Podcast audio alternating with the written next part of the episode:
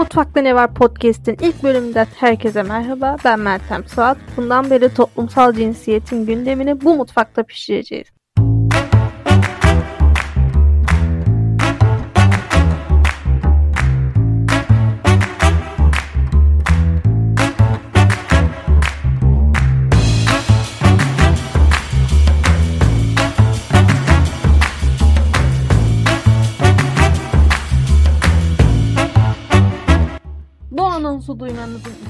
Tam bir sene geçti. Toplumsal cinsiyetin mutfağında pişiren podcast Mutfakta Ne Var? Bir yaşında.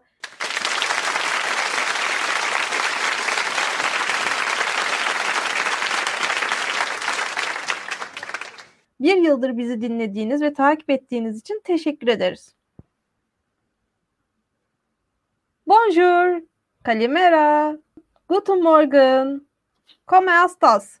Her tüm dinleyicilerimize merhaba. Toplumsal cinsiyeti mutfağında pişiren podcast'ten ben Meltem Suat. Bugün Pride ayınız Beren Azizi ile birlikte kutlayacağız. Hem de Türkiye'de LGBT aktivizmini ve LGBTİ hakkında doğru bilinen yanlışları konuşacağız ve ne yazık ki onlar hakkında en çok tartışılan klişeleri. Ondan önce bugün bizim mutfağımızın birinci yaşı. Öncelikle tüm dinleyicilerimize bir yıldır bizi dinledikleri ve yanımızda oldukları için teşekkür ederim. E, bu bir yılda birbirinden kaliteli, birbirinden nitelikli konukları ağırladık.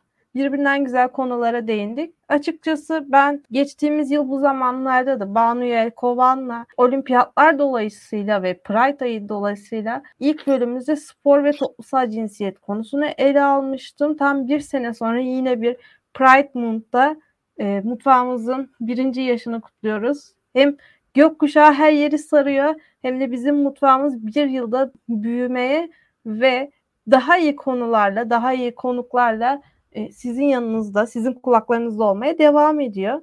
Yani ben bir yıl önce bu işi yapmaya başlarken açıkçası bu kadar uzun süreceğini de tahmin etmemiştim. E, ve hatta ben çevremde çok konuşan bir insan olarak bilindiğim için herkes bana podcast 35 dakika sürecekse konukların nasıl konuşacak? Onlar için ayrı bir 35 dakika mı vereceksin diyordu. Ama şu an birinci yaşımızı kutluyorum ve çok mutluyum. Gerçekten umarım ikinci, üçüncü, dördüncü, beşinci yaşımızda da burada oluruz ve daha nice Pride Month'ta birlikte daha güzel gündemlerle, daha güzel, daha iç açıcı konularla birlikte oluruz diyorum ve konumuza dönüyorum. Beren Hanım hoş geldiniz. Hoş bulduk, merhaba. Herkese iyi Pride'lar. Çok teşekkür ederim davet ettiğiniz için bu güzel ayda. Biz teşekkür ederiz. Sizin de Pride Month'unuz kutlu olsun. Beren Hanım şimdi ben bugün sizinle birlikte hem Pride Month'u tarihini hem de Türkiye'deki LGBTİ aktivizmini konuşmak istiyorum. Siz de bir aktivist olduğunuz için. Öncelikle kısaca bir e, Pride Month nereye dayanıyor? Neden Haziran ayı, Onur ayı olarak kutlanıyor? Ve Onur ayı nasıl bir anlam ifade ediyor? Onu konuşarak başlayalım isterseniz. Tabii şöyle ifade edeyim. Aslında Pride için bir böyle sıfır yılı seçmek doğru değil. Çünkü bu gene bildiğimiz diğer e, sorunları beraberinde getirir. Yani gerçekten Stonewall'la mı başladı? Biliyorsunuz Eryaman tanıklığı yapan trans kadınlar Pembe Hayat'ın projesinde yüzlerce Stonewall sayabiliriz size dediler. Aslında tek bir Stonewall yok. Stonewall dememin nedeni, Stonewall'a vurgu yapmamın nedeni onunla başlatıl, başladığının söylenmesi Pride'ın e, işte bildiğiniz gibi New York'taki bir barda polise polis şiddetine karşı direnişle başlıyor diyoruz. Ama birçok şeyle başlatabiliriz. Herkes kendi Stonewall'unu bulabilir kendi tarihine baktığında. O yüzden şu kısım çok önemli. Pride'ı ve eşcinsel hareketin başlangıcını biraz küreselleştirmemiz lazım. Çünkü bunu sadece New York ve Amerika ve Batı'daki hareketler üzerinde açıkladığımızda e, iki problem ortaya çıkıyor. Birincisi e, o tam da trans kadınların o belgeselde söylediği gibi Türkiye'nin kendi Stonewall'ları yokmuş gibi bir hafızasızlık oluşuyor. İkincisi de bu e, LGBT ideoloji diye ortaya atılan komplo teorisinin ya da tarihi saptırmanın bizim geçmişimizde böyle bir şey yok gibi tarihi saptıran açıklamaların aslında değirmenine su taşıyor diyebilirim. Dolayısıyla Pride'ı nasıl başlatmak istersek öyle başlar. Benim için Pride'ın e, başladığı yerler çok daha eskilere gider Stonewall'dan. Çünkü Türkiye tarihine baktığımda çok fazla direniş görüyorum, çok fazla kazanım görüyorum ve bunların çok daha önce başladığını görüyorum. Bazı sıfır yılları olarak seçtiğimiz e, noktalardan. Böyle bir cevap verebilirim. Peki e, ben bilmeyen dinleyicilerimiz için yani işin tarihi boyutunu bilmeyen dinleyicilerimiz için kısaca bir Stonewall olayının üstünden geçmek istiyorum. Bilmeyenler için dipnot e, Stonewall olayı 1969 yılında daha doğrusu 28 Haziran 1969'da Amerika'da Stonewall'da polisin eşcinsellerin yoğun takıldığı bir bara baskın yapması ve bu barda yaşanan olaylarla birlikte aslında bir yerde o ilk LGBTİ fişeğinin atıldığı tarih. Stonewall olayından önce aslında LGBT artı tarihi Victoria dönemine kadar dayanıyor. 1873'te yazılmış ilk eşcinsel tarihi çalışması var. 1897'de ilk defa LGBT artı ile ilgili bir bilimsel çalışma yazılmış. Herkes LGBT artı tarihini yakın döneme dayandırıyor ama bu yüzyıllar öncesinde giden bir dönem ki belki de kraliyetlerin içinde de LGBT artı vardı. Belki de Osmanlı'nın içinde de LGBT artı belki de değil var bireyler vardı ama bunların hiçbiri göz önünde değil göz ardı ediliyor. Ve LGBT artıların tarihi Onur ayının tarihi daha doğrusu 1970'e dayanılıyor. Resmi başlama tarihi olarak ama çok daha öncesi de var. Dünyada Onur ayı evet 1970'te ilk onur yürüyüşle başlıyor ama Türkiye'de de ilk onur yürüyüşü, İstanbul onur yürüyüşü 2003'te yapıldı. Birazcık da Türkiye tarihine baktığınızda siz Türkiye'deki o sıfır noktasını nerede değerlendiriyorsunuz? Sizce neresi o sıfır noktası? İlk yürüyüş mü 2003'te yoksa daha öncesi de var mı? Çok daha öncesine gider bence. Direniş şimdi nasıl açıkladığımızla da değişiyor. Direnişle açıklıyorsak bence çok daha öncesine gider. Özellikle 80'lerde çok fazla protestolar var.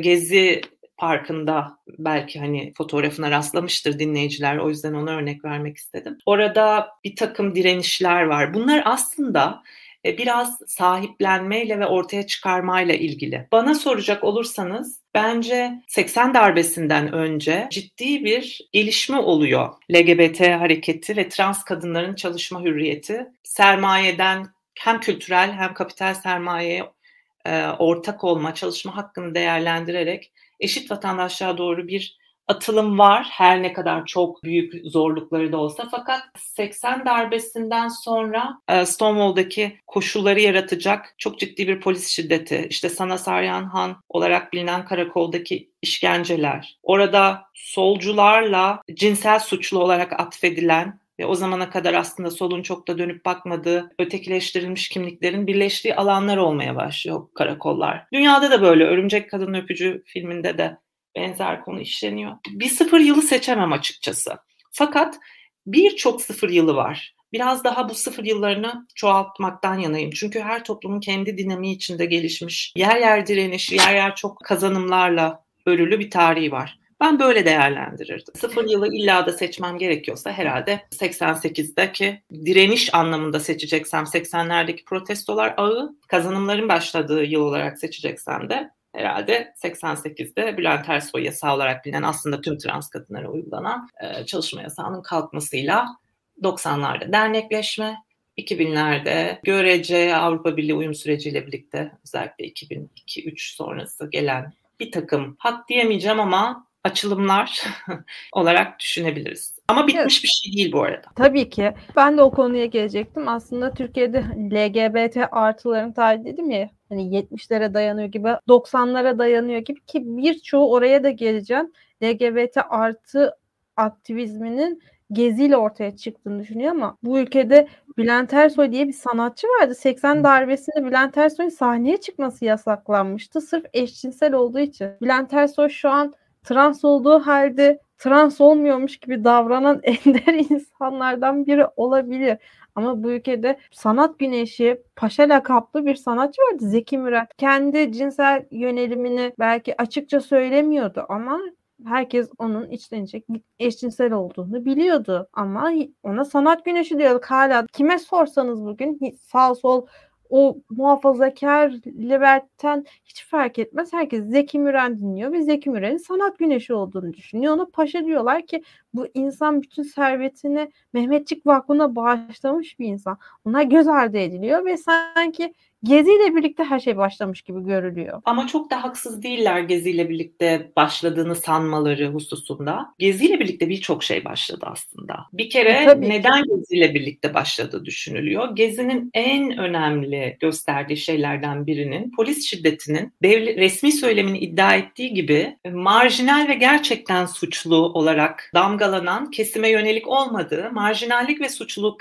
kategorisinin ne kadar esnek olabildiğini ve o esnek esnekliğe sade vatandaş diye o zamana kadar pazarlanmış insanların her an düşebileceği ve her an sade vatandaşın tırnak içinde travestileşebileceğini gösterdi Gezi. Dolayısıyla LGBT hareket başlamadı. İnsanlar LGBT'leşti bence Gezi'yle. LGBT hareket çok eski başlıyor. Herkes LGBT'nin ne olduğunu e, ve marjinalize edilmenin ne olduğunu polis şiddetinin yaygınlaşmasıyla gördü. Bülent Ersoy konusunda da sözünüzü kestim az önce kusura bakmayın. Küçük bir eklemede bulunacağım. Pride'ın ortaya çıkışıyla bir kategori olarak Pride'ın ortaya çıkışıyla 70'lerden beri yani ne onur duymak, neyle onur duymak? Eşcinsel olduğuna ya da trans olduğuna falan filan. Şimdi bu ilk çıktı anlamdaki tarihsel koşuluyla önemliydi. Çünkü eşcinsellik lehine ya da translık lehine bir şey söylememe kültürü vardı. Bu kültüre karşı Pride stratejik bir konumlanmadır çıkışı itibariyle. Fakat her toplumun kendi pride'ı varken, var derken bunu kastetmek istemiştim. Batıdaki formasyonu ya da her toplum, batı da bir homojen bir bütün değil. Her toplumun formasyonunu kendi içinde anlamamız lazım. Bülent Ersoy'a trans gibi davranmıyorlar söylemi bence Türkiye'deki toplumun dinamiğini çok iyi anlamamayla ilişkili olabilir.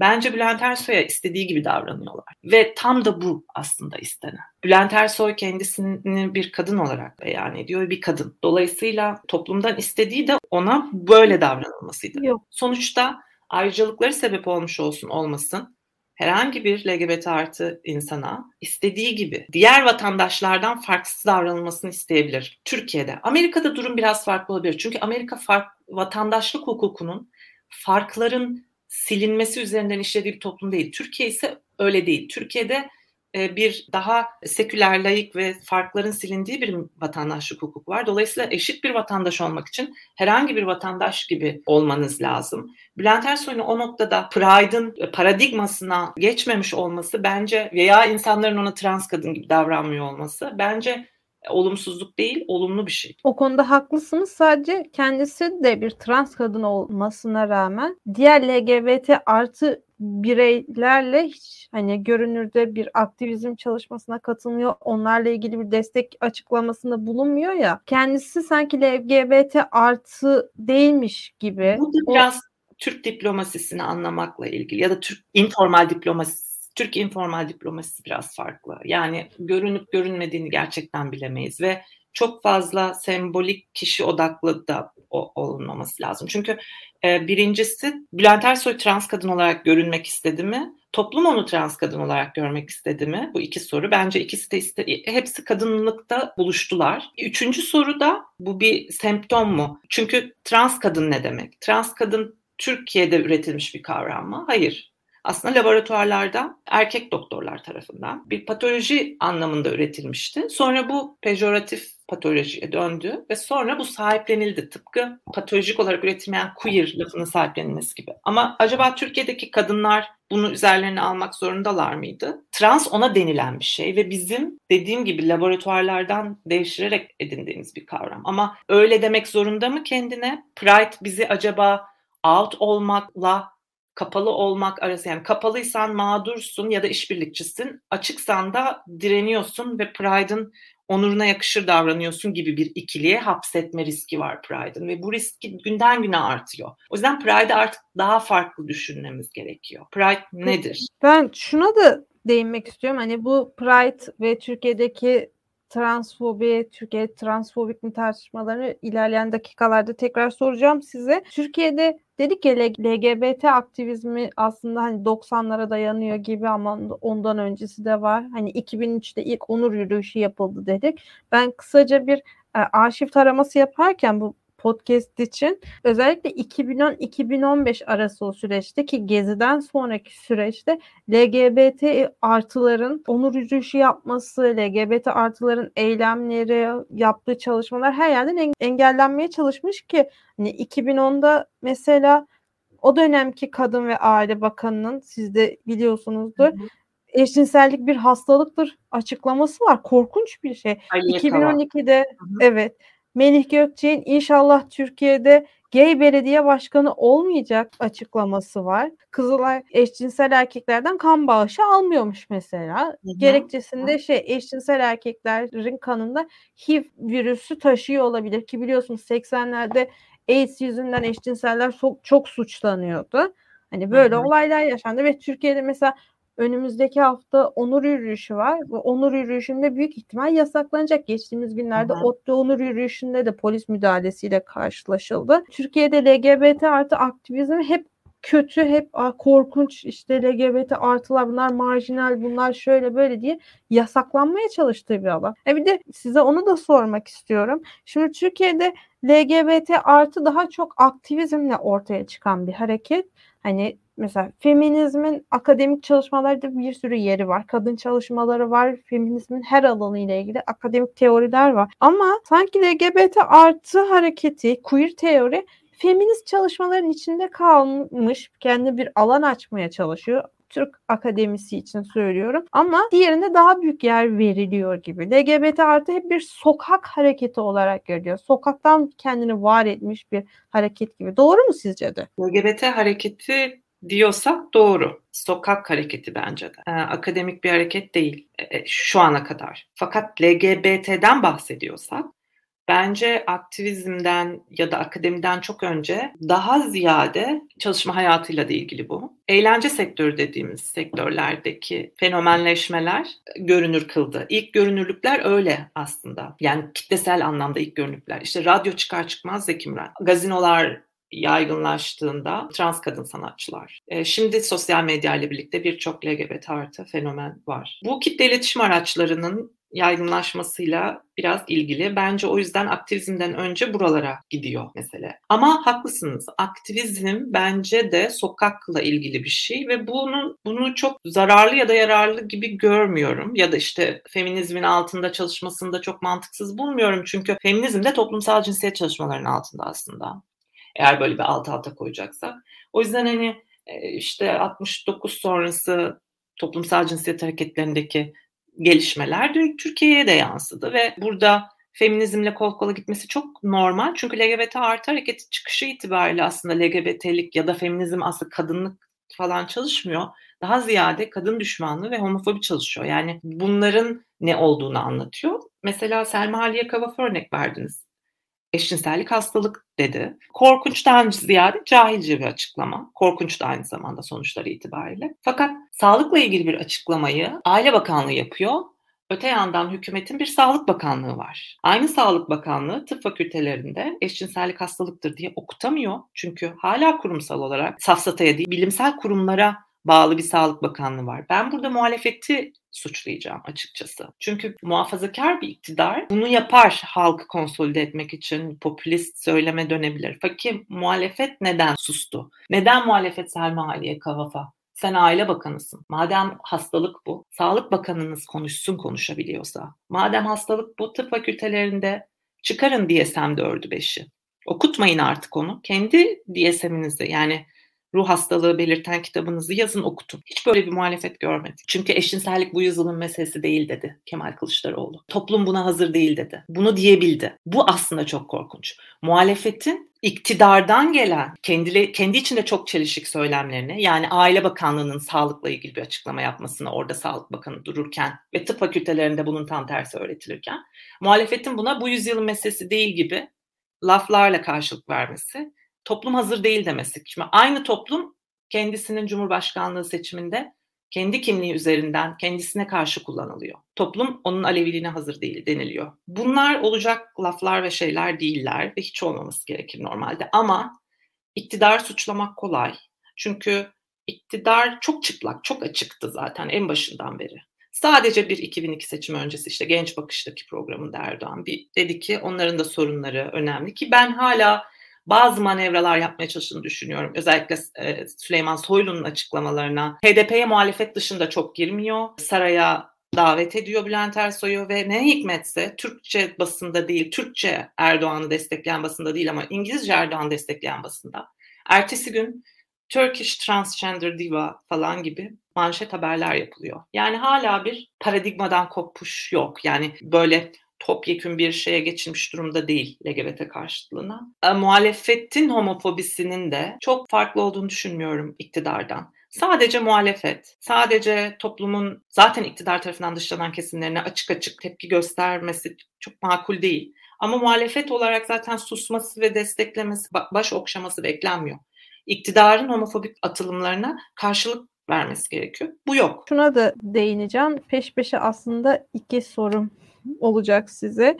Şimdi Uluslararası LGBT Artı Derneği'nin yaptığı araştırmaya göre Türkiye Avrupa'da LGBT artı hakları konusunda en kötü ikinci ülke olmuş. İlga'yı diyorsunuz değil mi? Evet evet İlga'nın yaptığı araştırmaya göre gene sonunculuğu kimselere bırakmamışız. Bülent Ersoy örneği verdik o bu falan. Biliyorsunuz geçtiğimiz günlerde bir TikTok fenomeni kendisine evet. hamile rolü yaptığı için Mükrem Gezgin bayağı bir eleştiri aldı. Hatta kendisine soruşturma açıldı. TikTok hesabı askıya alındı. Mizansenin yaptığı tıp merkezi mühürlendi ve ünlüler de ikiye bölündü. Bir taraf diyor ki işte Mükremin mizansen yapıyor. Aslında Onur ismini vermesi çocuğuna Pride ayına denk gelmesi diyenler oldu. Bir kısmı da dedi ki annelik kutsallıktır. Onu ayakları altına alıyor falan diye.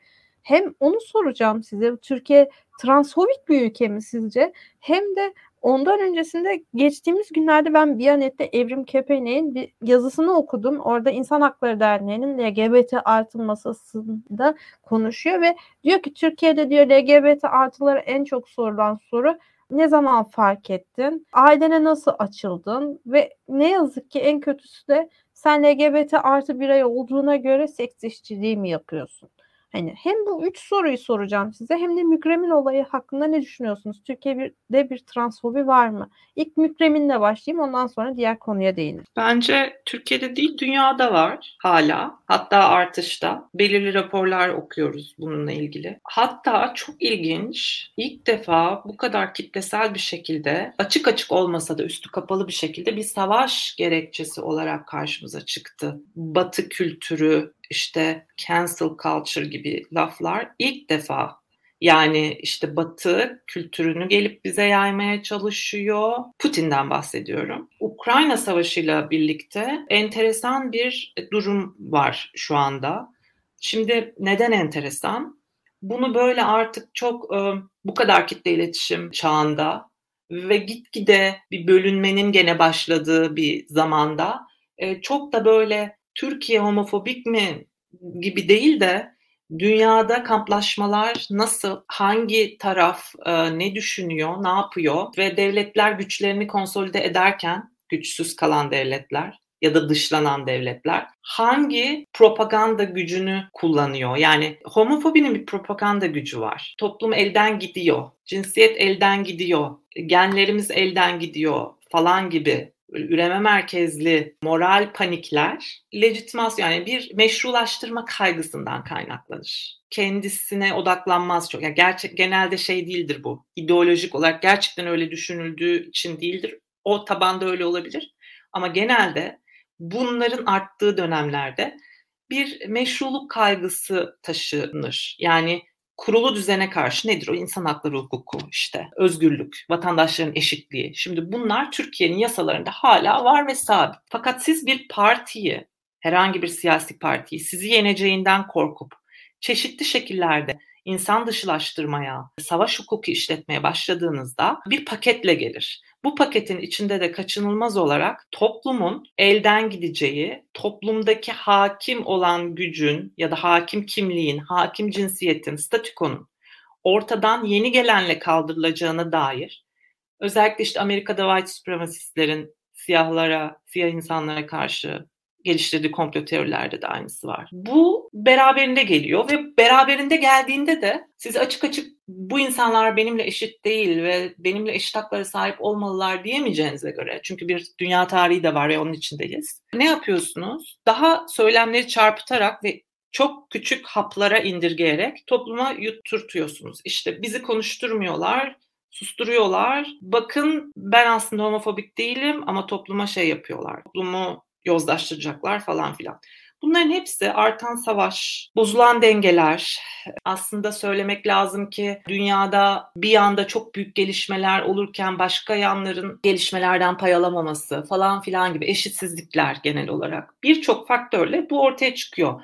Fakat ben Türkiye'de şunu düşünüyorum. Homofobik mi değil mi? Türkiye bence her şey fobik olabilir her an. Yani bir kadına da LGBT olmayan kadına da bir erkeğe de bir ya herhangi bir şekilde çok ciddi böyle bir anda önceki değerleriyle ilgili bir anda şey yapabilir. Tamam toplum böyle de ortada bir devlet varsa ve hukuk varsa herhangi bir sebeple bence benim desteklediğim konular da dahil buna. Herhangi benim öfkelendiğim konular da dahil herhangi bir galeyanla bu kadar hızlı soruşturma başlatılması, ticari alanların kapatılması, özel mülkün bu kadar güvencesizleştirilmesi, işte hastane mühürlüyor pat diye.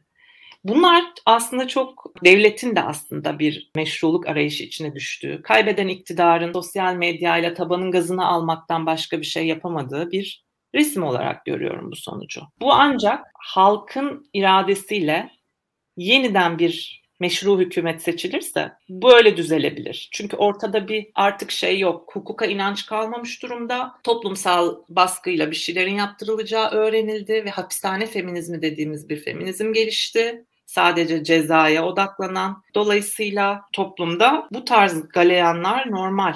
Normal ama normalleşmemeli. Olağan ama olmaması gerekirdi. Ya dediğiniz doğru aslında. Türkiye her şey fobik. Yani ben şunu hatırlıyorum. Çok uzak değil 2-3 yıl öncesine kadar BİM'e gökkuşağı tarzında bir led lamba geldiği için de sosyal medyada birbirini yemişti.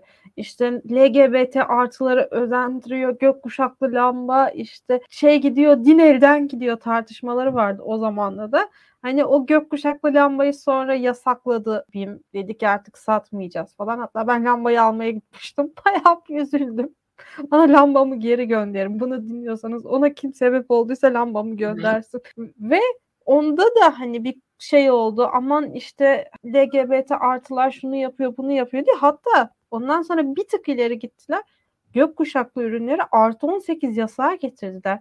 Hani bu ülkede gökkuşağı almak LGBT artı bilinçaltına gönderiyormuş. Çocuklar işte eşcinselliğe özeniyormuş diye. Yani gökkuşağından bile korkan toplum oldu. Kremine kızması o şey falan Artık onlar bana normal geliyor. Diyorum ki ha tamam Mükremin doğum yaptı. Bir iki güne bunu da görürüm Twitter'da. Hani onu da alırlar içeri. Ona da soruşturma açarlar. Evet bu normalleşti işte. Yani onu da içeri alırlar. Sosyal medyada birileri bir şeye bağırdığında polis gelir. E, soruşturma başlatılır.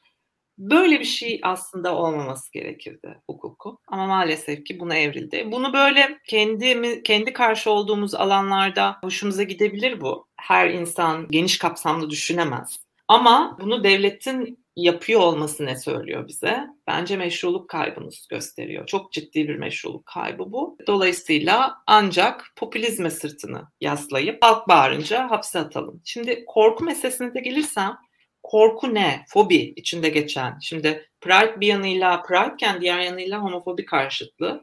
Bence orada korku şöyle bir şey. Eşcinselin kendisinden korkmaktansa onunla eşit muamele görmekten korkuyor. Biliyorsunuz Türkiye'de en çok ses çıkaran şeylerden biri, en görünür kolektif eylemlerden biri protestolar hariç düğünlerdir, sünnetlerdir asker uğurlamalarıdır. Ya da karı koca arasında yani nikah sonrası yapılan düğünler. Bunlar kamusal alanın en çok gördüğü şeyler. 1 Mayıslar veya Pride'ların ötesine geçersek kamusal alanda nasıl insanlar bir araya geliyor çoğunlukla. Biliyorsunuz bar kültürü zaten bu ekonomik krizle birlikte iyice ortadan kalkmaya başlamış durumda. Yani çok sınıfsallaşmış durumda. Ancak zengine hitap eden bir durumda. Ama onun dışında sıradan taşra insanına baktığımızda ya da şehirde böyle düğünlerin çok görünürlüğü var. Dolayısıyla bir görünürlük asimetrisi var Türkiye'de. Türkiye'de makul vatandaşın görünürlük asimetrisi var. Yani asimetrik bir şekilde görünme hakkına sahip. Dolayısıyla bir tane bayrak bile çok batabilir ona. Çünkü bu eşitliğin kaybı anlamına da geliyor. Şimdi homofobiyle ilgili Okan Şengün diye bir Amerikalı Türkiye'den çok başarılı ve bence hepimizin bilmesi gereken bir avukat var. Kendisi aynı zamanda aktivist. Onun çok güzel bir Pride ile ilgili bir yazısı var. Çok küçük bir kısmı okumak istiyorum. Müsaadenizle. Tabii. Diyor ki ben homofobik birinin düşüncelerine saygı duyamam ama niye o düşüncelere tutunmak istediğine saygı duyabilirim. Çünkü konfor alanından çıkmak içselleştirdiği dogmaları sorgulamak için henüz hazır değildir. Bununla birlikte ayrımcı, nefret söylemi içeren düşünceler, sözler saygı istemez çünkü tehlikelidirler. Bir eşcinsel eşcinsel olduğu için katil olmaz ama bir insan homofobik düşüncelere sahip olduğu için katil olabilir. Tehlike içeren eşcinsellerin varlığı değil, eşcinsel düşmanı ifadelerdir. Eşcinsellik değişmez ama homofobi değişir. Eşcinsel düşmanlığı değişir. Çünkü eşcinselliği öğrenmezsiniz ama bir sosyal gruptan nefret etmeyi, tiksinmeyi, haliyle korkmayı öğrenirsiniz. Yani fikri, fikri değişenin davranışı değişir diyor. Ben buna son derece katılıyorum ve bu paradigmadan uzaklaşılmaması gerektiğini düşünüyorum özellikle bu dönemde. Çünkü bunu tam tersine çevirmiş bir iktidar var karşımızda. Sadece iktidar değil, onun yüzde bir bile oyalamayan e, bazı parti ortakları da var. Bu moral paniğin temelini iki şey oluşturur. Bir eşcinsellik doğuştan değildir, özenmeyle olur. İki, tehlikelidir. Aslında tam tersi. Bu çok ciddi bir yansıtma. Eşcinsellik doğuştandır ve kendi halinde sırf bir insan eşcinsel olduğu için tehlikeli değildir. Her insan gibi, her insan grubu gibi tehlikelileri de vardır, tehlikesizleri de vardır. Fakat bunu tam tersine çeviriyor iktidar. Doğuştandır, değildir diyor, özenerek olur. Neden? Görünürlüğü kapatmak istiyor. Görünürlüğü kapatması nasıl meşrulaştıracak? Ancak onun özenilebilir olduğunu göster iddia ettiğinde. Özenilir oldu diyelim. Herkes eşcinsel oldu. Bunun nesi kötü? O zaman bir de o soru çıkıyor ortaya. Hayır, o da kötü, tehlikeli. Neden? Türkiye'nin genetiği bozulacak insanlar eşcinsel olacak. Ne olacak öyle olunca? Dış mihraklar bizi domine edecek. İktidar kaybı anksiyetesi çünkü hali hazırda iktidarını kaybetmiş bir tarihsellik içinde bunu yapıyor. Bunu bütün toplumlarda genel olarak bu oluyor. Yani bir farklılaşan herhangi bir güç ilişkisi gördüğünde Amerika'daki bir beyaz siyah bir insanın profesörü olmaya başladığını gördüğünde, daha öncenin ötekileri olarak atfedilen bu eşcinsel olmak zorunda değil. Herhangi bir insan grubu emansipasyon yaşadığında, belirli devlet memurluklarına girdiğinde, cumhurbaşkanı adayı olduğunda, beklenmedik şekilde olacağında ya da. O zaman ne oluyor? Gözler din elden gidiyor değil aslında o, iktidar elden gidiyor ya çevriliyor. Çünkü bunu yapan sadece dindarlar değil veya dindarların hepsi de bunu yapmıyor. Bunun içinde çok seküler kesim de var. Gene sekülerlerin hepsi de bunu yapmıyor. Yani bir ideolojisi yok bunun. Bu iktidar değişimini istemeyen, statüko değişimini istemeyen, pastadan pay vermek istemeyen eski koltuk sahipleriyle yeni değişen güç ilişkileriyle kendine yer bulmaya çalışan ötekileştirilmiş kimliklerden gelen insanlar arasındaki bir tarihsel bir mesele. Ve bence dünyada da var. Şimdi burada ne devreye gidiyor? Diyor ya Okan Şen, ben diyor saygı duyuyorum çünkü değil, öyle yetişmiş, öyle sosyalleşmiştir, de, hazır değildir. Yani değişecek olan karşı taraftır. Değişecek olan homofobiktir, eşcinsel değildir. Homofob biz LGBT hareketi olarak homofobikleri değiştirmeye gönüllü olduk. Homofobiklerin değiştiğini gördüğü için iktidar çok tedirgin. Homofobi doğuştan değil çünkü. Eşcinseli değiştirme e, amacıyla çıkılan yol homofobiklerin değişmesiyle sonuçlanmaya başladı. Çünkü akıl zaten bunu getirir. E bu da özeniyor herkes eşcinsel olacak derken kastettikleri şey her homofobik homofobik olmayı bırakacak. O yüzden o bayrakları falan istemiyorlar. Asıl mesele bu. Peki.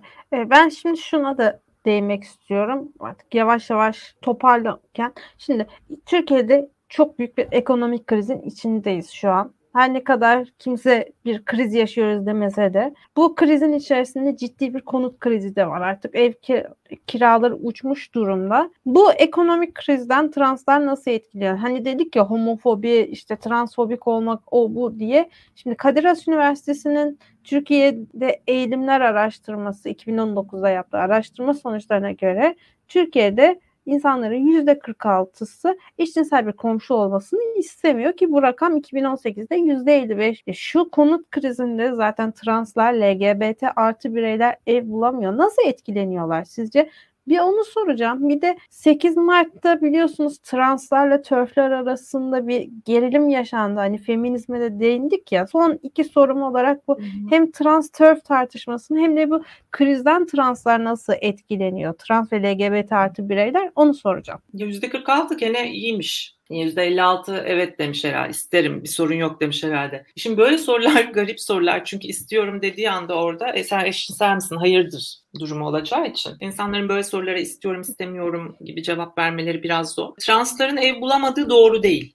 Translar ev bulabiliyor fakat 3 katı 5 katı paraya ev bulabiliyor. Bu ekonomik şiddet aslında. Barınma hakkının gaspıyla ekonomik şiddet. Ev veriliyor fakat ev verilirken sana kimse ev vermeyeceği için ben sana bu bu evi yüksek paradan veririm diyor. Transfer toplu taşımada kullanılamıyor. Taksi kullanmak zorunda bir yerden bir yere giderken. Passing olmayanlardan söz ediyorum. Gerçi şu an gitgide belirli en azından şehirde bu değişmeye başladı ama genel olarak durum bu. Ya sadece bu arada aa burada trans var gibi değil. Cinsel tacizden tutun bir sürü rahatsızlık vermeye veya şiddete kadar giden bir yelpazesi var kamusal alanda trans görünürlüğünün. Dolayısıyla translar zaten e, belirli semtlerde tutabiliyorlar belirli kira ev sahipleriyle anlaşabiliyorlar ya da bir iç ekonomiye yani bir getto ekonomisine dönüp kendi aldıkları evleri birbirine kiralıyorlar falan filan. Dolayısıyla böyle bir hayatta kalma mekanizması var. Bu kriz transları nasıl etkiledi? Her insanı çok kötü etkilediği gibi transları da çok kötü etkiledi. Beni en korkutan şey kriz konusunda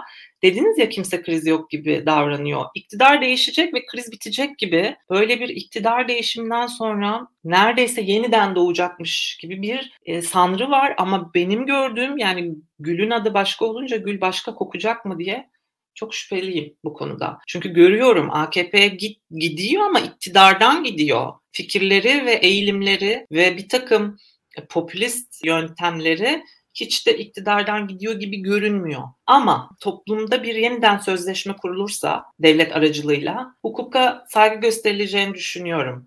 Ama bu çok zor olacak gibi görünüyor. Yani bir seçim meselesi mi bu emin değilim çünkü bu seçimi kazanmak için sadece bu seçimi kazanmak için insanların Alevi olarak aday olmaması gerektiğini söylemeye varana kadar, insanların HDP'nin bir terörist partisi olduğunu bu kadar genelleyen bir yerden iddia etmeye varana kadar bir ötekini şeytanlaştırmaya göz yumma ile devam eden bir seçim süreci bu.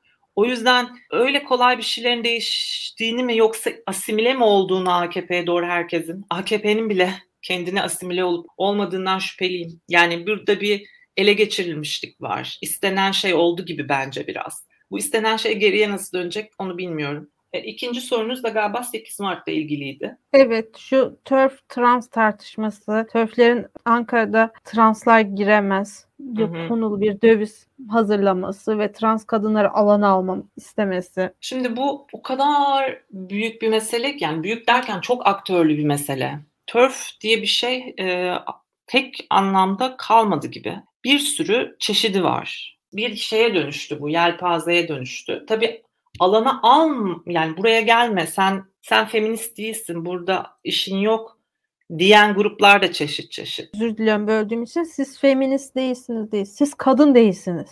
Tam öyle de değil evet o da var onu diyen de var ama bunu araçsallaştırıp zaten siz insan değilsiniz demek isteyen uzun süredir ama işte toplumdaki etiğin değişmesiyle transfobisini ortaya saçamamış kitlelerin bu tartışmayı araçsallaştırdığı bir durum da var. Yani aslında hiç işi olmayacakken feminizmle sırf bu nefreti kusma alanına dönüştüğü için bazı e, kaymalar sonucunda bu alanı gidip hemen kendi lehine çeviren, sadece kendi nefretini oraya taşımakla meşgul insanlar da var.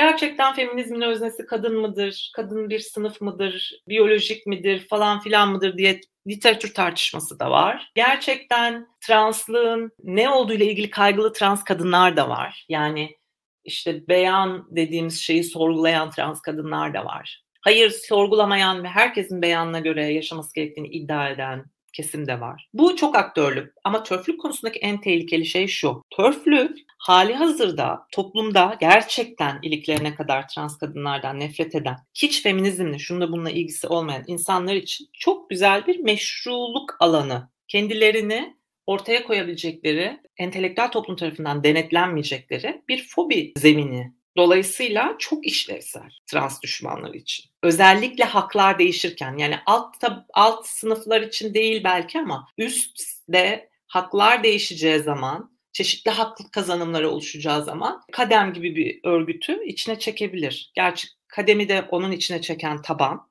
Çünkü İstanbul Sözleşmesi'nde tabandan en çok küfür yiyen sivil toplum ilginç bir şekilde kademde. Yani aslında burada bir sürekli tabanın gönlünü hoş tutmakla iktidar kazanan ve iktidar değişiminden hep korkan, demokrasi içselleştirememiş bir hükümet anlayışı, onun sürekli toplumun başını okşayan siyasi tutumu, onun neticesinde de gelişen toplumu değiştirmeye değil de var olanı daha da köpürtmek üzerine kurulu bir verili olanla yetinme durumu var. Törflük dünyada başka türlü başka türlü çıktı. Türkiye'ye başka türlü geldi. Türkiye'de de en garip ve komik halini aldı diyebilirim. Yani dünyadaki daha bir farklı kitaplar falan yazıldı. Daha bir ya gerçekten e, akademik olarak tartışıldı ve kaybettiler akademik olarak. Türkiye'de akademik olarak tartışacağın zaman her nefretin kaybedeceğini de bildiği için popülistler bunu öyle çok akademik alana da taşıyamıyorlar. Bunu Amerika'daki gibi kitap yazarak falan ortaya koyma gafletine düşmediler tırnak içinde. Sokakla bütünleştirmeye çalıştılar.